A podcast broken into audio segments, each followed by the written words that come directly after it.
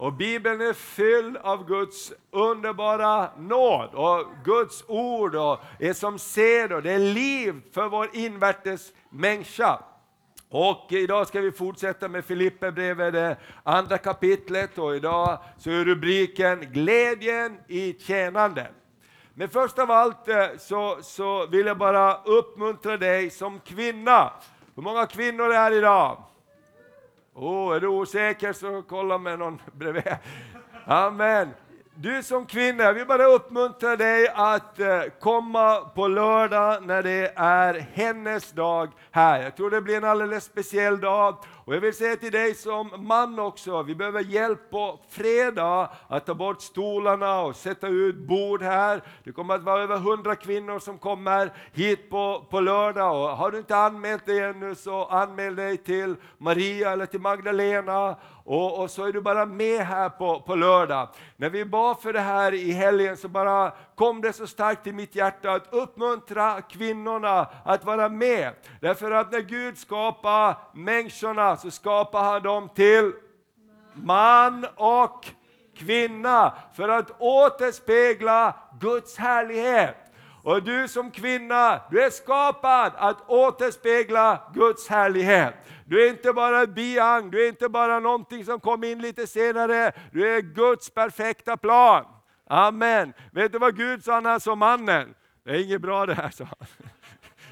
Vi måste lägga till någonting för att det här ska bli bra. Och när Gud hade skapat kvinnan så sa han, nu är det perfekt. Nu finns det en helhet här. Så jag vill bara uppmuntra dig att vara med. Och jag vill uppmuntra dig som man att uppmuntra din, din kvinna eller kvinnorna runt omkring dig att vara med på lördag. Jag tror vi går, och vi går in i en ny tid eh, när, när, när den heliga Ande kommer att röra och vi behöver så många mödrar vi behöver många fäder, vi behöver många kvinnor som bara går in i sin destiny, går in i det som Gud har kallat dem att vara. Amen. Vet du, det bor minst lika många kvinnor som män på jorden. Jag har ingen statistik men jag gissar att det är så. Jag har sett ganska många kvinnor. Överallt vi har åkt runt jorden. Och, och, och eh, Gud älskar kvinnor. Amen. Och, och, och unga kvinnor, gamla kvinnor, alla kvinnor. Kan du säga alla kvinnor? Amen. Så jag vill bara peppa dig att vara med eh, på, på lördag. Jag tror det blir en alldeles speciell eh, dag. Och på fredag som sagt på dagen kan du komma med och hjälpa till att göra i ordning med ta bort stolarna och fixa borden och så här så har vi kommit en god bit på väg. Underbart! Nu ska vi gå in i Filipperbrevet. Och Filipperbrevet är ju glädjens brev. Det är inget brev i, i, i Bibeln, eller de här som talar så mycket om glädje som Filipperbrevet. Och Det som är speciellt med Filipperbrevet är att det är skrivet av Paulus när han sitter i fängelse. Rent i kronologisk ordning så är det Paulus tionde brev han skriver. Och han sitter i fängelse och han skriver till vännerna i Filippi, kom igen, gläd er i Herren. Och, och, Det är det vi ska prata om idag. Och Den här församlingen i Filippi, du kan ta nästa bild, det var den första församlingen som Paulus eh, bildade i Europa. Och Storyn, hela upplägget till Filipperbrevet hittar vi i Apostlagärningarna 16. Och Du kan gärna läsa det, för att det är en väldigt speciell berättelse i Apostlagärningarna 16. Först i kapitel 15 har de bråkat med varandra, Paulus och, och, och eh, Barnabas och efter det har de lite svårt att hitta vägen fram och det står att Guds ande hindrar dem att gå dit och heliga ande hindrar dem att gå dit. Och, och sen så står det att de fick en syn, Paulus såg en syn ifrån en makedonisk man ifrån Europa. Och i den här synen såg han den här mannen stå och ropa, kom och hjälp oss. Och, och, Då står det att då förstod vi att Gud hade kallat oss till Europa. Och de åkte iväg till Europa och där började de be. Eh, för den här Filippi eh, är ingen stor stad. Du kan ta nästa bild så ser vi kartan. Det var en, det var en, en mindre stad som eh, eh låg på, om du ser där så lägger den på Europas sida, det som är Turkiet idag. De åkte över med, med båt och så kom de till Filippi och så började de be där tillsammans med några kvinnor. Det var mest troligt så var det ingen synagoga där utan det fanns några kvinnor som bad och det står Gud rörde vid deras hjärtan. Och så fortsätter de att be och så kommer den här flickan med spådomsanden som börjar ropa och förbanna. Och så står det att en dag så tog Paulus illa vid sig och han näpste den där orena anden i flickan. Och då så tog det fart i hela stan. Därför att då så, så, så, så gick stadens köpmän igång. Därför den här flickan genom sina spådomar så, så gjorde, de, eh, gjorde det att de kunde tjäna mycket pengar. Och Paulus och Silas de blev slängda i fängelse. Men släng aldrig två kristna i samma fängelse. Eller hur? För vad två av er kom överens om. Det står att mitt i natten, innan det var så mörkast, så står det att de började prisa Gud. Och vet du vad, när det ser som mörkast ut, ring till en kompis. Amen.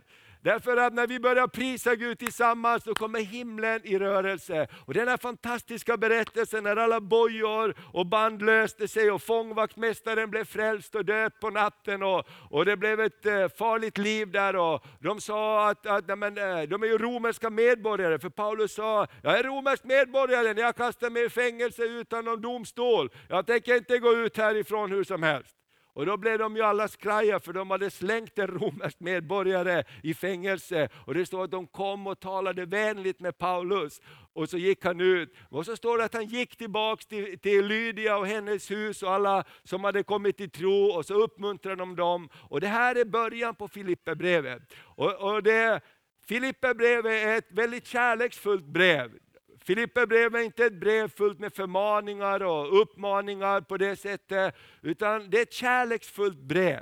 Och, och, eh, Man tror också att Lukas var den som var första pastorn där, han som har skrivit Lukas evangelium och apostlagärningarna. Han stannade kvar där i Filippe och tog hand om församlingen i början. Och I Filipperbrevet 4 så står det att Paulus säger, det finns ingen församling som har varit i den kontakten som ni har varit med mig. Ni har skickat mig både en och två gånger vad jag, har, vad jag behöver. Och vi har alltid fört bok över hur mycket ni har skickat och hur mycket jag har tagit emot. Det fanns en väldigt fin ömsesidig respekt för att bygga Guds rike tillsammans. Så Filipperbrevet tror jag är någonting som vi kan lära oss mycket av också idag. Så vi går till eh, nästa bild där. Eh, Filipperbrevet 2 handlar om glädjen i tjänande. Du vet att eh, man kan eh, eh tjäna på olika sätt. Du kommer ihåg berättelsen om eh, eh den förlorade sonen och hans bror. Den förlorade sonen han tyckte om att ha det kul och drog iväg och festade upp alla pengarna. Men brorsan blev kvar och han tjänade och han jobbade och han slet och han hade inte speciellt roligt. Eller hur? Så när den förlorade sonen kom tillbaka blev han ju sur. Här har jag slitit och tjänat dig i alla år och vad får jag för det? Och pappa sa, hallå grabben, allt mitt är ditt. Du får ta vad du behöver. Men hans attityd var att jag kämpar minsann här och det är inte så lätt alla gånger. Så Paulus, han vet att det kan komma in det i församlingen. Därför säger han, tjäna Herren med glädje. Amen. Och, och, och, I världen så är det den tillfälliga glädjen som vinns genom att vi tänker på oss själva och vi söker vårt eget bästa. Eller hur? Vi klättrar uppåt, om vi trampar ner någon på vägen så gör det inte så mycket, bara vi kommer uppåt. Och om vi får det bra så är det bra. Men i Guds rike är det någonting annat. Bestående glädje vinns genom att bli en tjänare och hjälpa någon annan. Amen. Det är därför det finns en sån ljuvlighet när, när människor gör någonting för någon annan. Brukar du titta ibland på de här eh, galorna i TV, när de har insamlingsgalor och Folk blir glada när de ger. Folk känner sig tacksamma. Radiohjälpen och alla världens barn och allt möjligt vad det är. Folk känner sig tacksamma. Mats eh, arbetsgivare där, han var med i fjol och bekostade en, en, en brunn, en vattenbrunn i Indien. Och han sa, jag är så tacksam bara för förmånen att jag har fått vara med och borra en brunn åt de som inget vatten har. Det är bara på min sida i glädjen. Tänk vad man blir glad när man får göra någonting. Och det är Guds rikes princip. Och vi kan titta i Filipperbrevet 2, du kan öppna Filipperbrevet 2 så, så har du kommit rätt idag, för vi kommer att läsa mest där. Och I Filipperbrevet 2, vers 60-11 står det om Jesus som hade den här attityden av givande. Och Det står så här från vers 6. Han var till i Guds gestalt, men räknade inte jämlikheten med Gud som ett segerbyte, utan han utgav sig själv och tog en tjänares gestalt och blev människan lik. När han till det yttre hade blivit som en människa ödmjukade han sig och blev lydig ända till döden, döden på korset.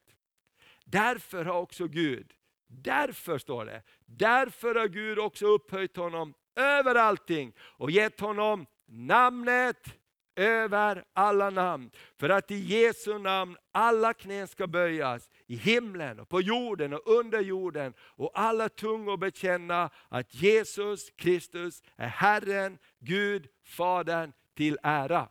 Ser ni den här principen? Han gav upp allting, han utgav sig. Amen.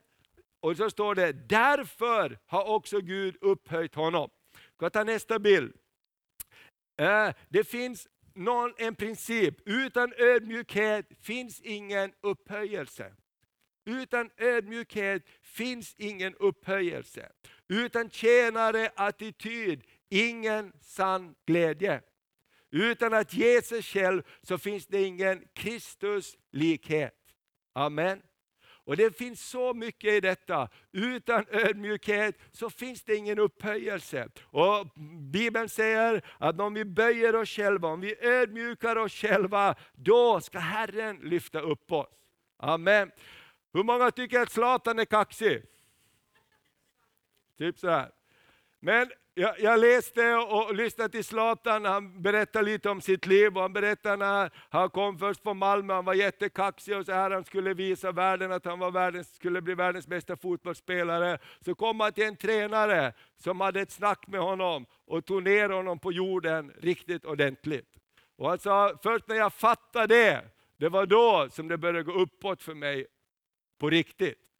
Så, så spelar ingen roll vem man är, hur det är. Allting börjar med att vi böjer oss så att vi kan bli upplyfta. Eller hur? Och Det där går igen hela tiden i livet. Och tjänande attityden, utan tjänande attityd, ingen sann glädje. Och utan att ge sig själv så finns det ingen Kristus likhet.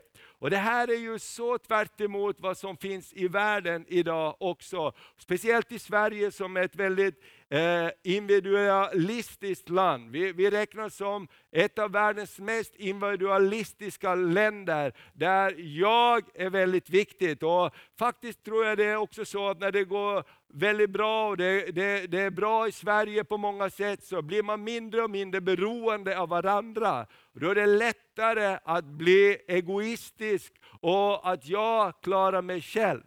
Har du märkt det? Men när man har behov så man, har man mycket lättare att be någon annan om hjälp. Eller hur? Men när man kommer upp i livet och kan fixa det själv så bryr man sig inte så mycket. Och Det där är jättefarligt. Jag tror att ha den här känsligheten, vi behöver alltid hjälp. Om man bara påminner sig om det, att du kom inte till den här jorden utan att någon hjälpte dig fram. Eller hur? var någon som klippte av navelsträngen. Och det var någon som gav dig mat ända tills du började gå.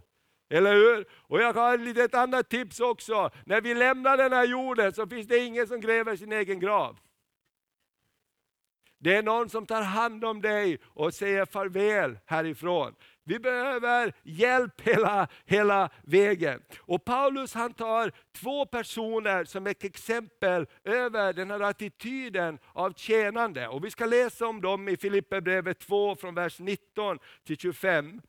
Och Det är Timoteus och Epafroditus. Och Sen ska vi titta lite grann på de här två, vad de har för kännetecken som gör att Paulus, han, han, eh, han vill inte vara utan de här bröderna. Så vi läser från vers 19 till 25. Om du har din bibel med, läs den, texten är så liten på skärmen där tror jag.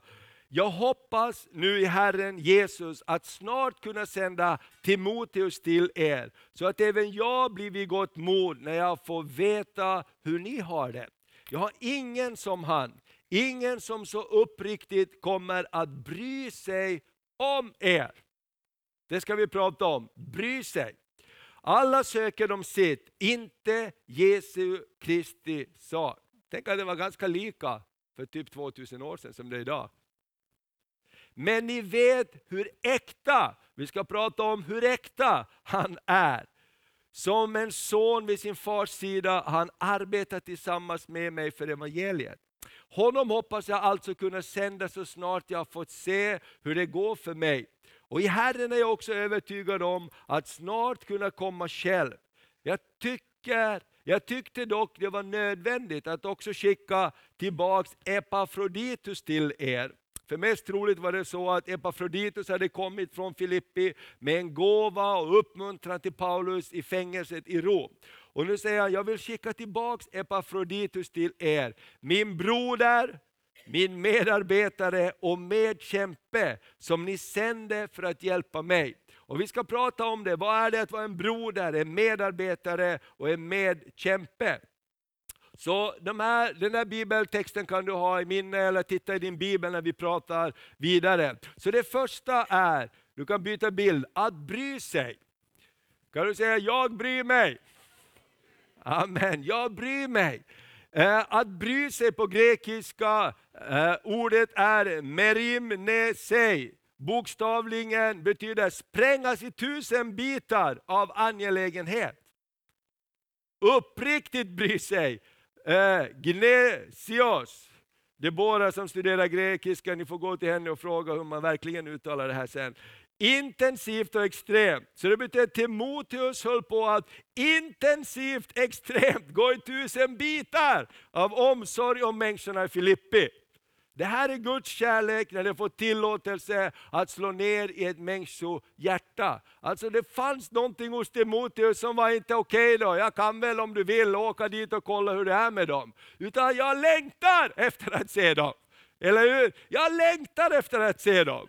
Det var som när vi eh, åkte nu till Australien och, och, och, och eh, eh, vår, vår son karl joel som vi inte har sett på över ett år. Vi har ju haft kontakt sådär. Men det finns något speciellt när man ser, och vi stod där på flygplatsen och väntade, kolla var, var kommer han någonstans? Vi får kontakt med honom. Och Maria stod och hoppade där och titta där kommer han.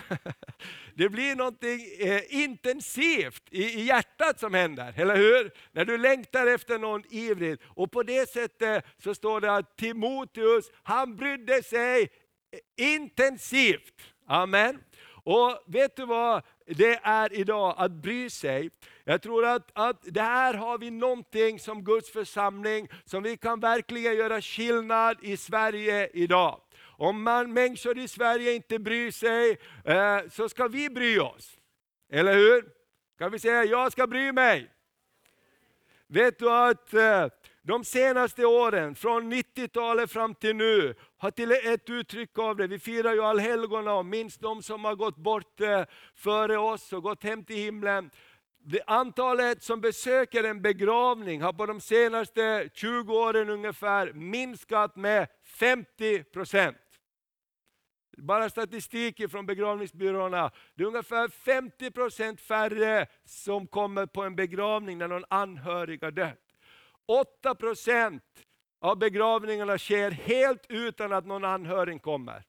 Man ringer och säger, kan ni ta hand om det? Och då är det inte alltså de som staten tar hand om, som ingen, ingen vet vem, vem, vem är anhörig, utan anhöriga som beställer en begravning utan att någon överhuvudtaget, det är prästen, det är begravningsentreprenören och, och, och, och vaktmästaren som är där.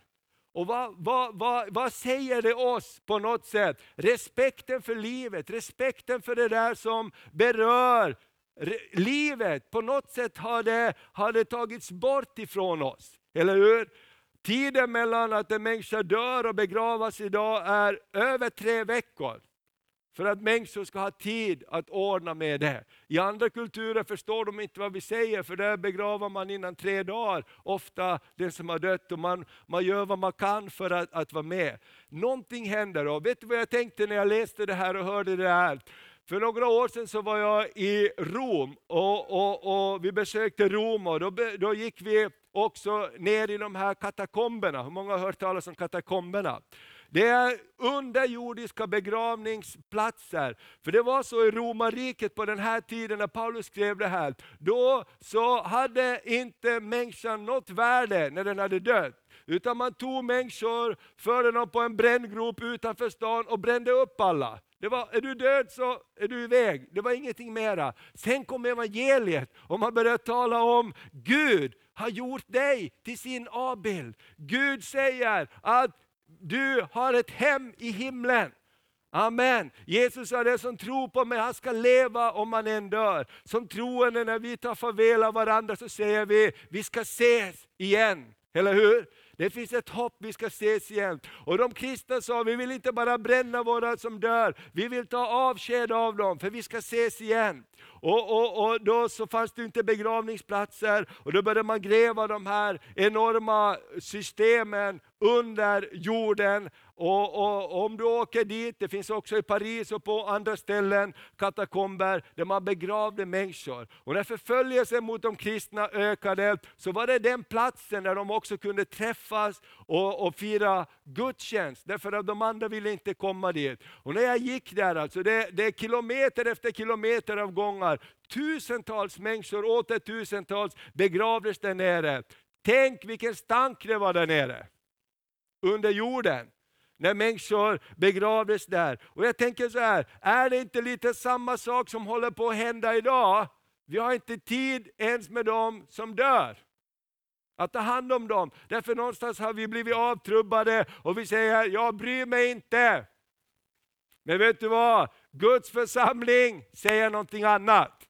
Som troende så säger vi någonting annat. Vi bryr oss. Amen. Och Eh, vet du vad? Jag, jag ska titta med mina glasögon här, jag har skrivit någonting här. Precis, jag har skrivit ett namn, Cody Lee. Vet någon vem Cody Lee är? Okay. Om du tittar på Youtube ibland, så titta på America Go Get Talent. Maria vet att jag brukar titta på, jag brukar titta, kolla om de är som bryter igenom och de gör olika saker. I år, den som vann America Get Talent, det var en blind kille som var autistisk. Och när han kom fram på scenen där, och de här vet du, som sitter där, alla de här kändisarna, och, och de är ju tuffa att såga människor som inte är bra, och så här, så att de ska få fram den som blir talangen för året i hela USA. Och det är en väldigt stor grej. Och när han började spela, först visste de inte vad göra, Simon tänkte så här, jag tror att jag trycker med samma verk, det var lite konstigt det här. Och så började han spela den här killen och sjunga och alla blev bara knäpptysta. Alla blev bara knäpptysta och, och, och, och, blev berörda. Och han fick såna golden buzzer som man kan få om man gör något jättebra, så man kommer vidare till finalen. Och Det som de här säger, de här kändisarna som satt där på rad, ställer sig upp och säger, tack för att du visar oss vad mänsklighet är. Ditt liv berör oss. Vi behöver dig. Vet du vad man säger i Sverige och Norge och Danmark idag? Vi vill inte ens att de ska födas. Vi testar, finns det någon som har någon defekt? Vi vill inte att den ska, ens ska komma upp på banan. Och Jag tänkte som när jag såg dem när de sa, vi behöver dig, sa de, därför att du gör oss till bättre människor. Och jag tänker det, det samhälle som vi lever i idag, vi vill säga, vi behöver inte, vi vill inte ens att ni ska show up, inte ens födas. Men Gud säger någonting annat. Gud säger någonting annat. Amen. Därför Gud har ett människovärde som han har gett dig. Inte på grund av vad du gör, inte på grund av vem du är, utan på grund av att Gud har skapat dig. Amen. Det finns något dyrbart som Gud har lagt ner i dig. Det finns drömmar som Gud har lagt ner i dig, som du ännu inte ens vet om att du kan göra. Amen. Det finns visioner, det finns saker som har försökt tryckas ner i ditt liv, som Gud kommer att lyfta upp. Och när du kommer i rätt miljö så kommer det att börja poppa upp saker som de inte ens visste att fanns där. Amen. Igår så satt jag och lyssnade på Joel Osteen på ett program, eh, intervjuprogram, när han pratade om, om olika saker. Och han sa i 17 år, Joel Osteen som har en, en, en jättestor församling, Lakewood Church i Houston, de har en hel jättearena. Han sa när jag var grabb så brukade jag köpa, jag hade årskort här för det var den största baseballarenan i Houston. Och jag brukade sitta där uppe. Jag kunde aldrig då tro att jag skulle vara pastor och predika härifrån varje söndag. Men när han växte upp så var hans pappa en pastor och hans pappa uppmuntrade honom att komma in och, och göra någonting i tjänsten och han började hjälpa till. Och varje gång hans pappa sa, kan du inte komma och säga någonting? Så här, Vad ska jag säga? Jag, kan, jag har ingenting att säga, sa han. Jag har absolut ingenting att säga, men jag hjälper dig. Och jag, han jobbar med, med tv-ministri och, och allt det här bakom med kamerorna och grejer. 17 år. Och så dog hans pappa. Och plötsligt så fick han ställa sig upp och, och börja tala. Och han sa, de första året varje lördag, varje gång innan varje söndag, så predikade jag för mig själv först. Jag stod framför spegeln och sa, Joel Gud är med dig, Gud har lagt någonting i dig. Du kan göra det här för du är välsignad. Amen! Och han sa i början när jag gick ut i foajén och hälsade på folket efteråt, så hörde jag några tanter säga, han är inte som sin pappa i alla fall han kanske inte fixar det här, han är nog inte så bra. Jag vet inte om du har lyssnat på hans förkunnelse, det är väldigt mycket uppmuntran att du kan göra det. Och när man hör liksom hela historien bakom, och han sa, jag visste inte i 17 år, jag visste inte ens att jag hade det i mig. Jag trodde aldrig att jag kunde tala för människor. Jag kunde aldrig, jag sa jag har ingenting att säga, vad ska jag göra? Och idag så samlar han tusentals och tusentals och tusentals människor, en av de största församlingarna i USA. Och jag tänker så här, det finns saker Gud har lagt ner i dig och mig. Det finns saker som Gud har lagt ner i människor som han kommer att föra i vår väg. Där vi ska bara se Guds dröm i människors liv. Det är inte andra ser, det kan du se.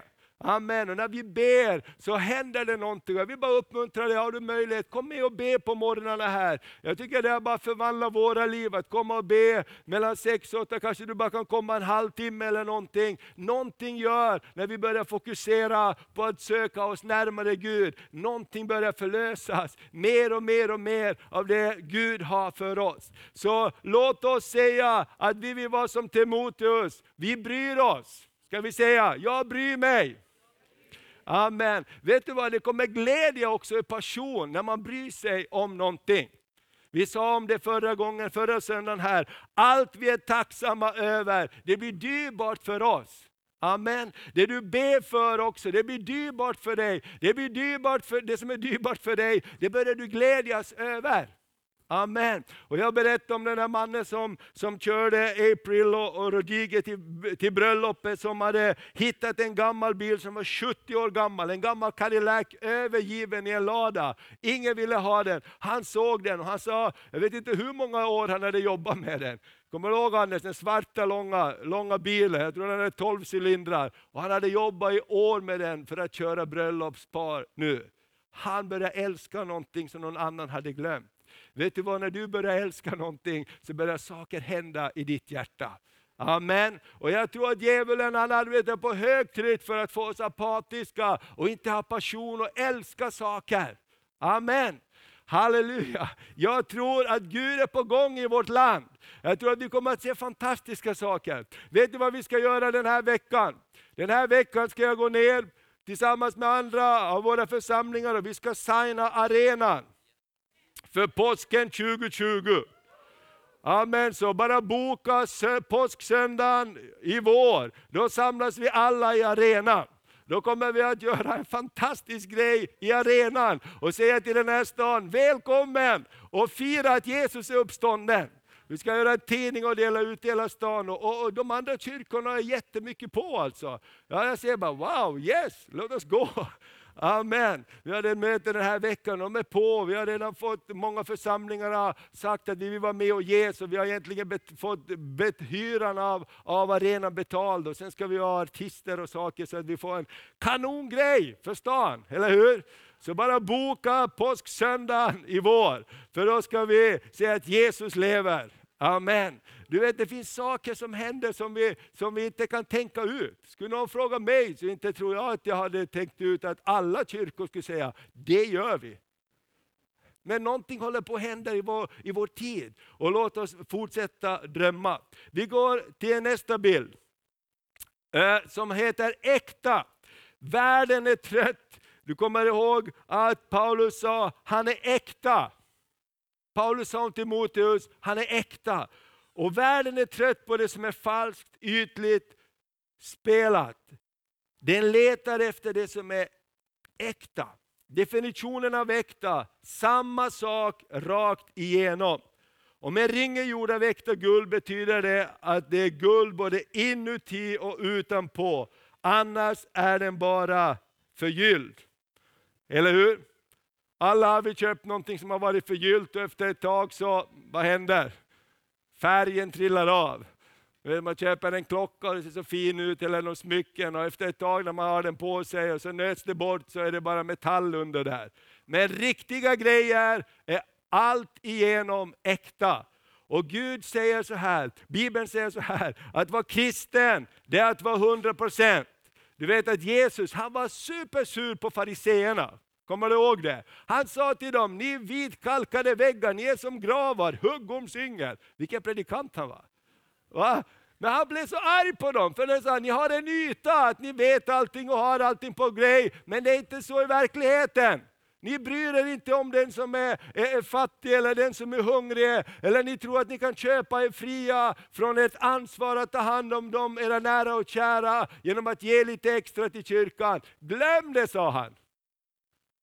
Du vet att äkthet är någonting fantastiskt och varje område i våra liv när vi kan visa äkthet, det är dyrbarare än någonting annat. Vet du vad, människor söker inte att följa perfekta ledare, människor söker att följa äkta ledare.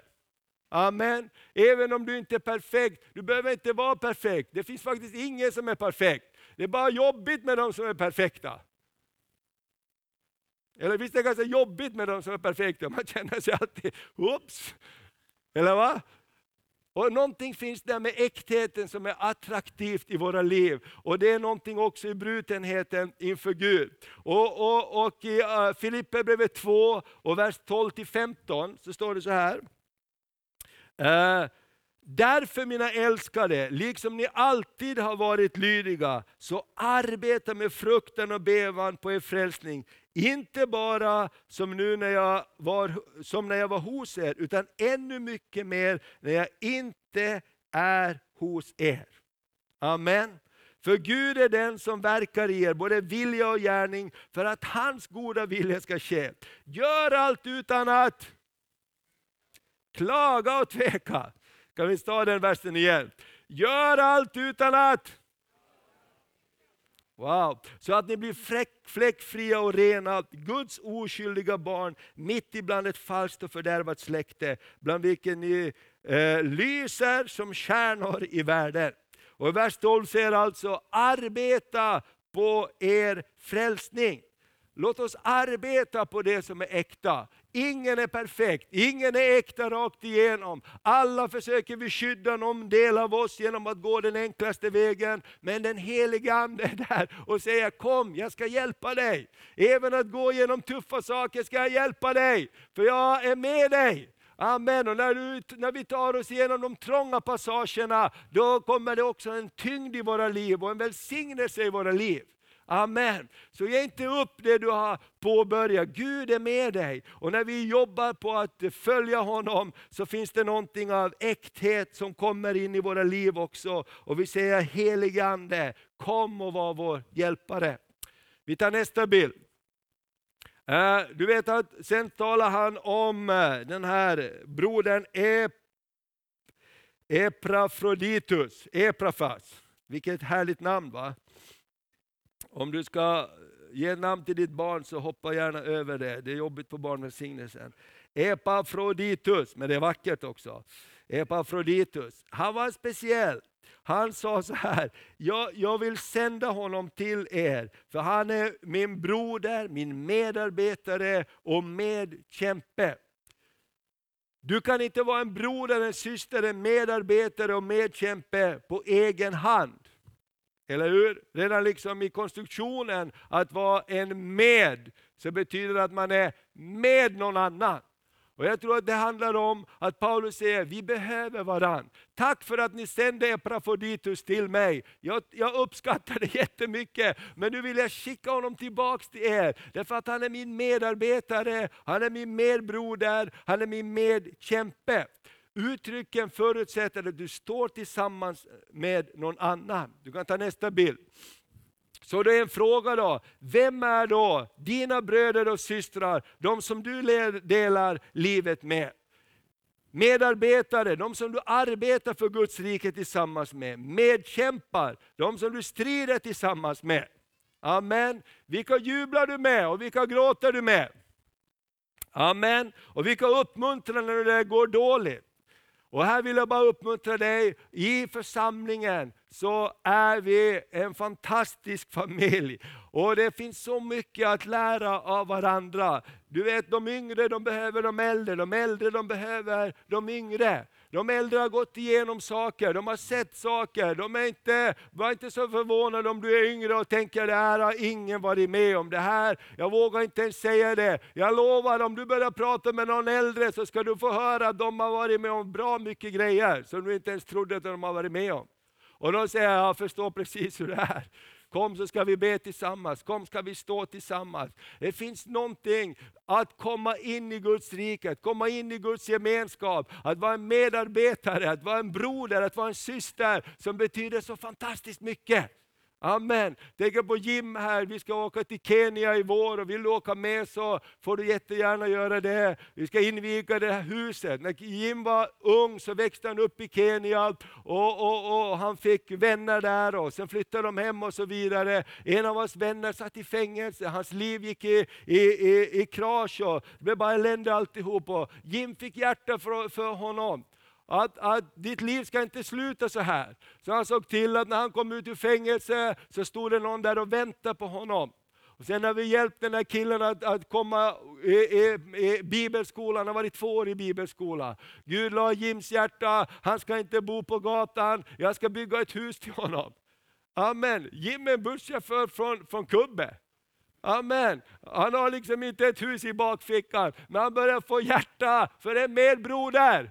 Han började få hjärta för någon som inte hade det som han hade det. Och han tänkte, jag ska göra vad jag kan. Och genom ett Guds mirakel så är det ett hus som är byggt i Kenya. Det är möbler, det är möbler i huset och det är målat, jag har sett bilder på det. Och i, i vår här så ska vi åka dit och inviga det och jubla tillsammans.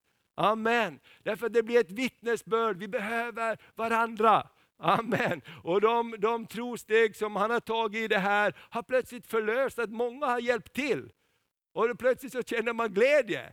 Amen. Och det är därför vi behöver varandra. Låt inte djävulen säga att du klarar det själv, för det gör du inte. Amen. Okej, okay. och var med i en hemgrupp, den mindre gemenskapen i den stora församlingen. Nu går vi ner för landning här. Och då tar vi nästa bild, det, det är sista punkten. Och här har vi den här Epafroditus. Vi kan läsa några verser till i Filipperbrevet 2, vers 29 och 30. Visst är det fantastiskt vad det finns mycket i ett kapitel i Bibeln?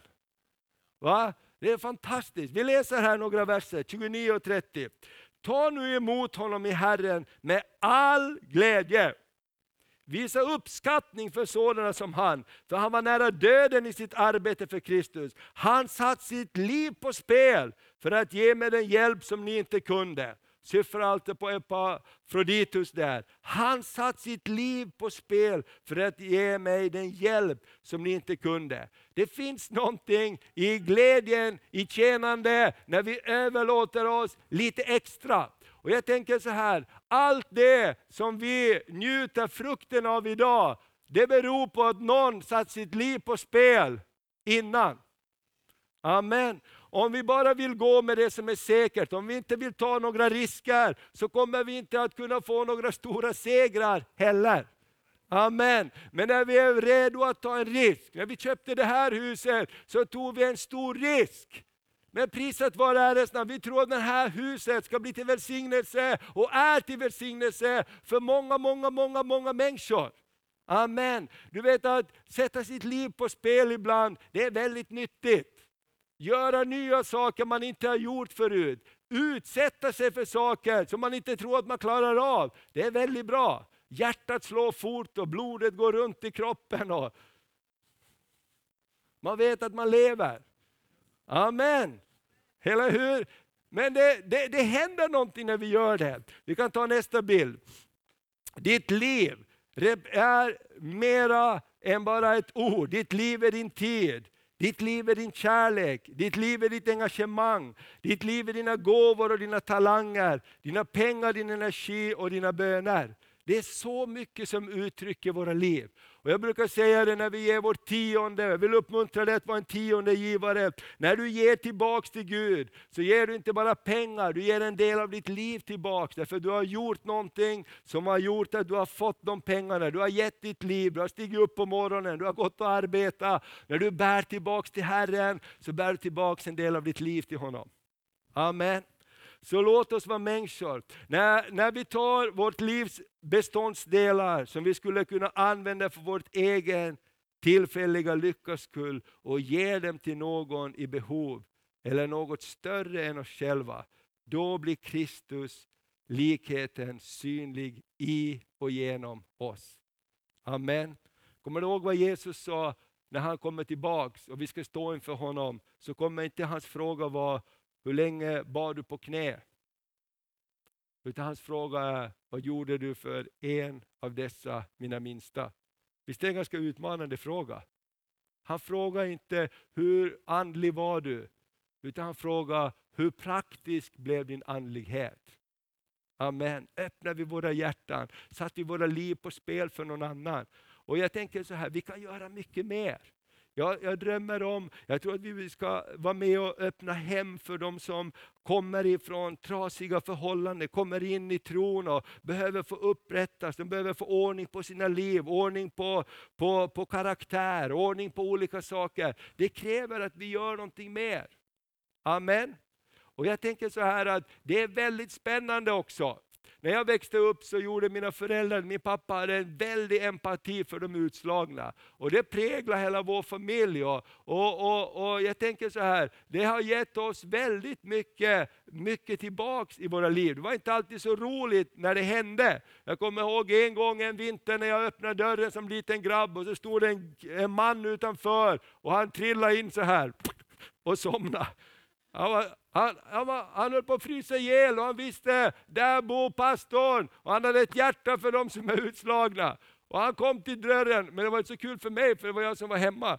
Jag fick ju dra in honom på något sätt och stänga dörren, och så låste jag mellandörren där så att han inte skulle komma in. Det var ju inte liksom min grej. Va? Men, men han klarade sig. Eller hur? Och, och jag menar någonstans så där tror jag också, vi, du vet varför älskar människor äventyr? Va?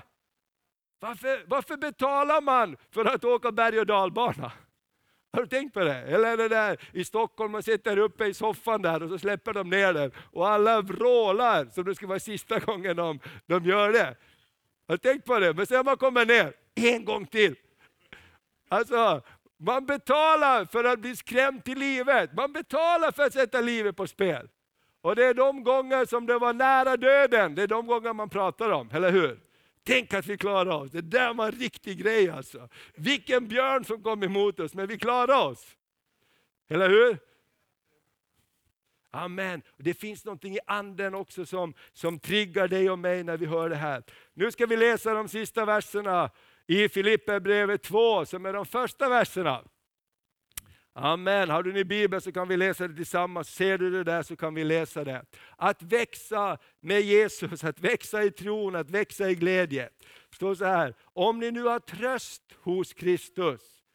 Om ni, ska vi läsa högt tillsammans?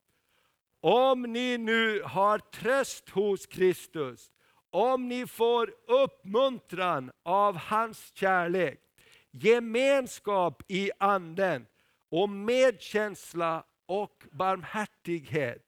Gör då min glädje fullkomlig genom att ha samma sinnelag och samma kärlek och vara ett i själ och sinne. Sök inte konflikt eller tom ära. Var istället ödmjuka och sätt andra högre än er själva. Se inte till ert eget bästa, utan också till andras. Var så till sinnes som Kristus Jesus var. Amen. Underbart. Ska vi stå upp och så ska vi avsluta här predikan genom att, att be tillsammans. Jag, jag är väldigt välsignad och uppmuntrad av att få, få, få tala Eh, över ett sånt här fantastiskt brev som Filipperbrevet. Jag hoppas att välsigna dig också. Nu kommer vi att ha ett hopp på några söndagar när vi har besök, men läs gärna Filipperbrevet. Låt det fylla dig, det här budskapet som var till de som bodde i Rom, rike på den tiden, som är väldigt lika det liv som vi lever faktiskt idag. Och låt det beröra dig. Och jag bara fick i mitt hjärta här när vi ska be tillsammans att eh, Kanske du har tjänat Herren och bara upplever att eh, glädjen har försvunnit. Därför ibland när vi får så mycket att göra och vi bara står på i det vi håller på med så, så kan glädjen försvinna. Och Gud vill bara uppmuntra dig och ge dig glädje tillbaks. Amen. Så vi ska prisa Herren med, med någon sång här och tacka Herren. Och jag vill bara gärna be tillsammans med dig. Och, och vi ska be tillsammans. Gud vill uppmuntra dig. Halleluja, för det bästa ligger framför det. Det bästa det har vi kvar. Halleluja. Och det står att Jesus han var fylld med glädjens olja, mer än sina medbröder. Och evangeliet är de goda nyheterna. Och djävulen ska inte ta glädjen ifrån oss. Halleluja, för att han är en tjuv och han vill ta glädjen ifrån oss. Men Jesus han vill ge glädjen tillbaks. Amen, så ska vi bara tacka Herren. Herre, vi bara prisar dig, vi bara lovar dig Herre. Vi bara tackar dig för den här söndag förmiddagen när vi har fått tala om Filipperbrevet 2. Herre, vi känner att det är så mycket i det där kapitlet och det där brevet som gäller oss idag, här och nu Herre. Och jag bara ber att ny glädje ska få komma in i, i församlingen på varje område. Vilket liv, vilken del du än har. Kanske du tycker att det är jobbigt i din familj, kanske du tycker att det är jobbigt på din arbetsplats, kanske du inte riktigt hittar fram i din tjänst eller vad det än är. Jag bara ber helige Ande, tack att du kommer med frisk olja den här morgonen. Tack att du kommer med frisk olja den här morgonen.